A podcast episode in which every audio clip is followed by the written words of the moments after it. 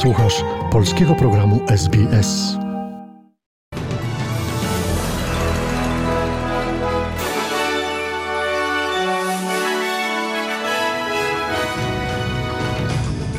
Dzień dobry, przy mikrofonie Joanna Borkowska-Surucić. Witam Państwa w piątek, 10 czerwca i zapraszam do wysłuchania przeglądu najważniejszych doniesień.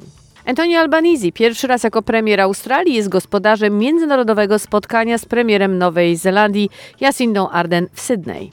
Minęło ponad 100 dni od rozpoczęcia wojny na Ukrainie. Prezydent Andrzej Duda rozpoczął wizytę w Rzymie. Oto szczegóły wydarzeń. Zaczynamy od wiadomości z Australii.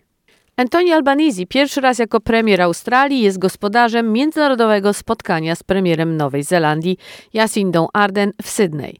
Politycy będą prowadzić rozmowy dzisiaj, prawdopodobnie skupiając się na rosnących napięciach w rejonie Pacyfiku i nowej inicjatywie prezydenta USA Joe Bidena w ramach Indo-Pacific Economic Framework. Dla nowego rządu australijskiego spotkanie z kluczowym sojusznikiem regionalnym jest postrzegane jako symbol zaangażowania.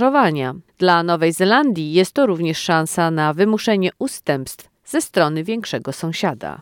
Lider opozycji i były minister obrony Peter Dutton został skrytykowany za ujawnienie zwykle tajnych rozważań na temat wielomiliardowej umowy w sprawie zakupu okrętów podwodnych. Dutton wykorzystał artykuł w gazecie, aby powiedzieć, że do 2030 roku planował kupić dwa okręty podwodne typu Virginia ze Stanów Zjednoczonych i zbudować kolejne osiem, aby zwiększyć łączną siłę floty do 10 okrętów. Komentarze wzbudziły obawy, że ujawnienie przez Petera Datona porad dotyczących obrony mogło zakłócić subtelne negocjacje dotyczące partnerstwa obronnego zarówno z Wielką Brytanią, jak i USA.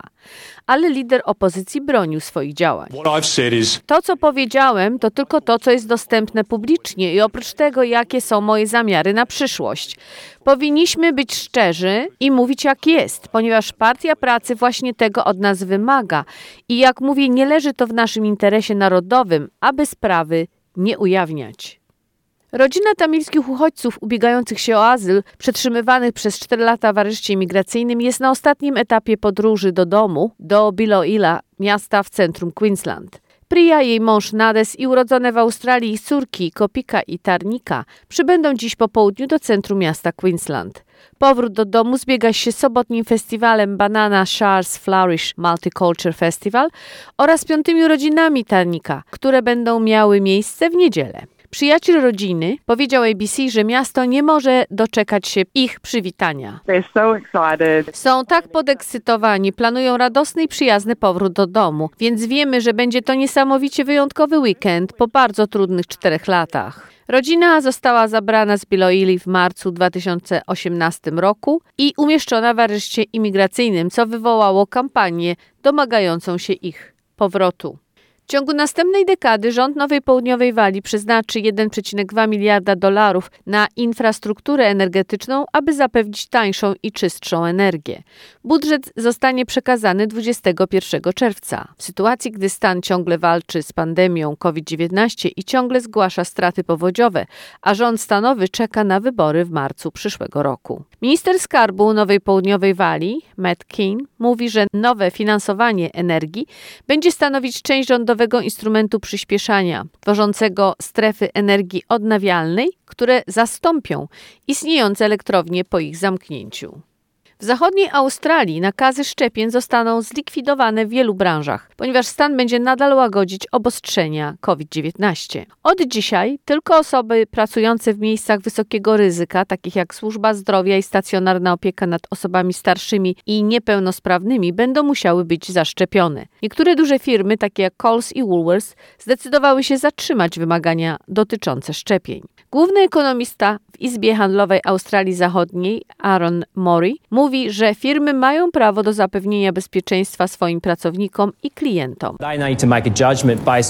Muszą dokonać oceny w oparciu o miejscowe okoliczności, w tym stopień interakcji między pracownikami a klientami lub pomiędzy pracownikami nawzajem i zdecydować, czy dalsze utrzymywanie tych mandatów jest dla nich korzystne i właściwe.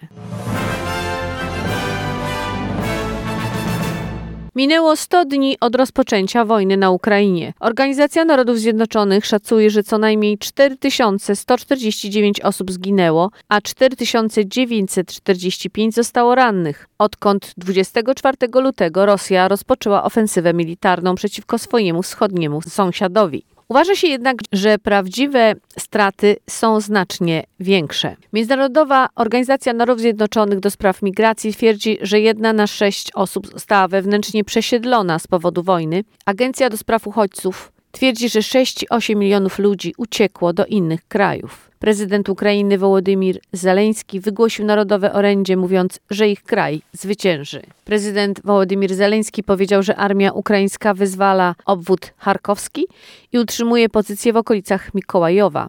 Ukraiński przywódca podsumował 106 dni wojny w nagraniu zamieszczonym w mediach społecznościowych.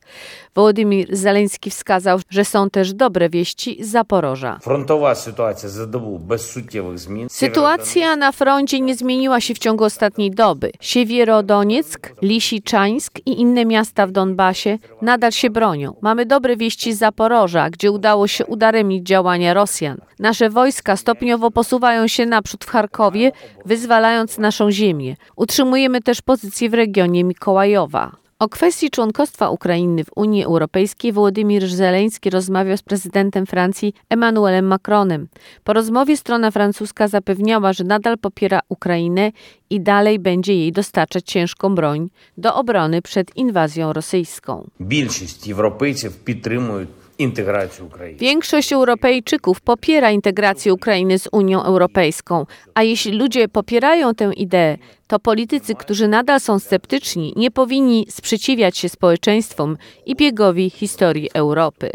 Rosjanie bardzo intensywnie ostrzeliwują Lisiczańsk i ze względu na to, że znajdują się w pewnej odległości, używają pocisku dużego kalibru. Boje toczą się też w gminie górskiej, w takich miejscowościach jak Toszkiwka, Zolote, Kateryniwka, a także na linii Popasna, Komy, Szuwacha, mówił Serhii Hajdaj, szef Ługańskiej Administracji Obwodowej.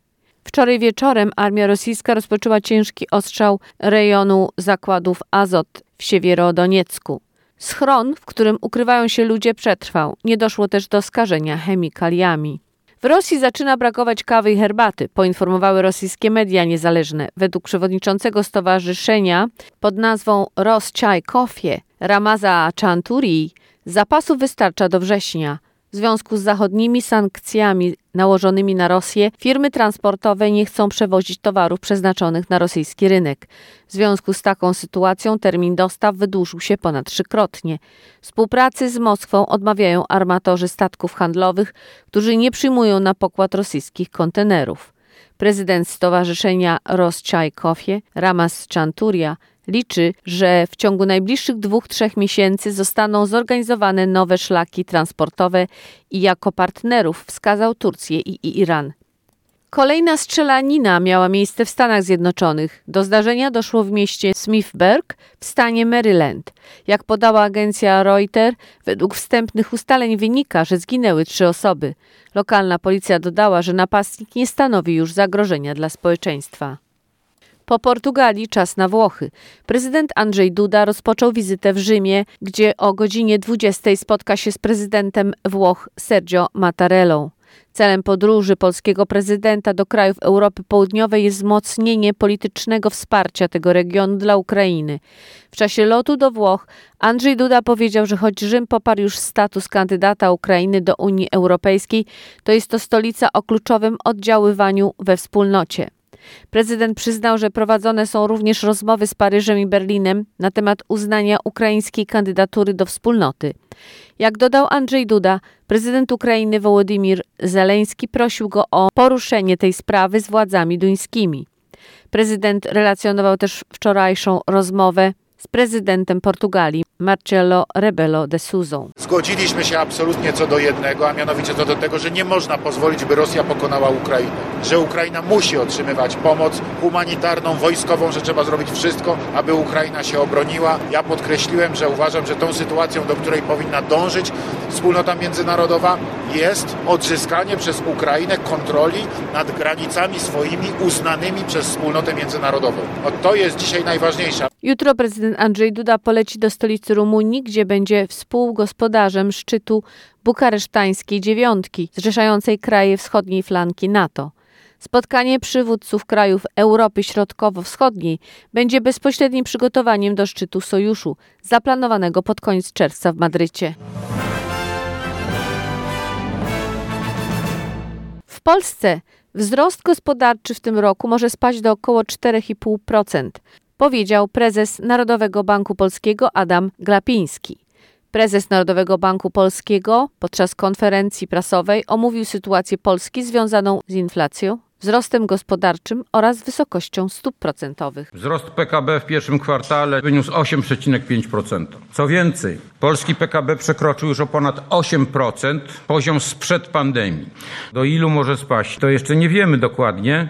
W tym roku nie zdziwiłbym się, jakby na koniec roku to było 4-4,5 w tym ostatnim kwartale. Na przyszłym roku poniżej 3 też by mnie nie zaskoczyło, ale cały czas solidnie i dobrze. Prezes Adam Glapiński powiedział, że choć inflacja będzie spadać, co będzie oznaczało spowolnienie gospodarcze, to pozytywnie kształtuje się sytuacja na polskim rynku pracy. Mamy bardzo dobre dane z rynku pracy. Cały czas rośnie zatrudnienie, bezrobocie jest rekordowe niskie, praktycznie go nie ma. W wysokim tempie rosną przeciętne wynagrodzenia. Wraz ze zwiększonymi wydatkami na skutek napływu uchodźców oraz zgromadzonymi w okresie pandemii oszczędnościami przyczynia się do dynamicznego wzrostu popytu w polskiej gospodarce. Sprzyja to z kolei przenoszeniu rosnących kosztów firm na ceny towarów i usług dla konsumenta, czyli inflacji. Prezes Adam Glapiński wyjaśniał, że inflacja dotyczy całej sfery euro, a w niektórych krajach jest najwyższa od 40 lat. Jego zdaniem powodują ją czynniki światowe, a nie krajowe. Inflacja w Polsce według ostatniego szacunku GUS-u w maju wyniosła 13,9%. Dwóch podróżników z Polski przeszło przez Grenlandię. Mateusz Waligura i Łukasz Supergan pokonali ponad 600 kilometrów z zachodu na wschód największej wyspy świata.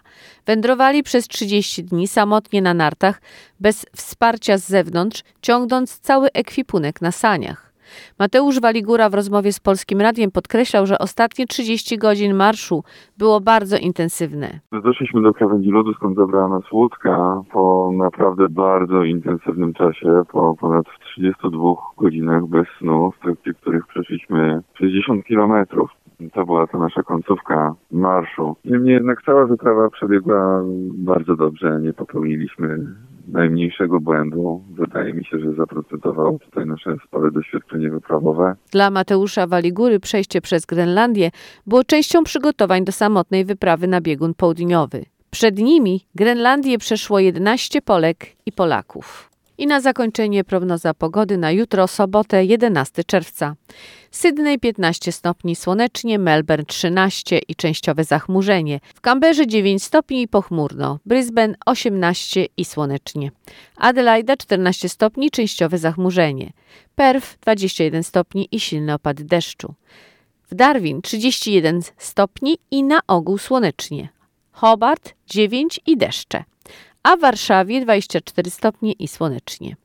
Według ostatnich notowań walutowych dolar australijski jest wymienialny na 71 centów amerykańskich i 3 zł i 8 groszy.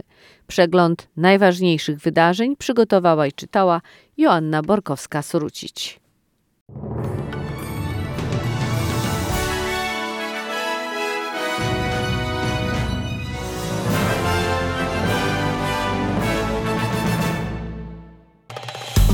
Polub nas na Facebooku, udostępnij innym, skomentuj, bądź z nami na polskim Facebooku SBS.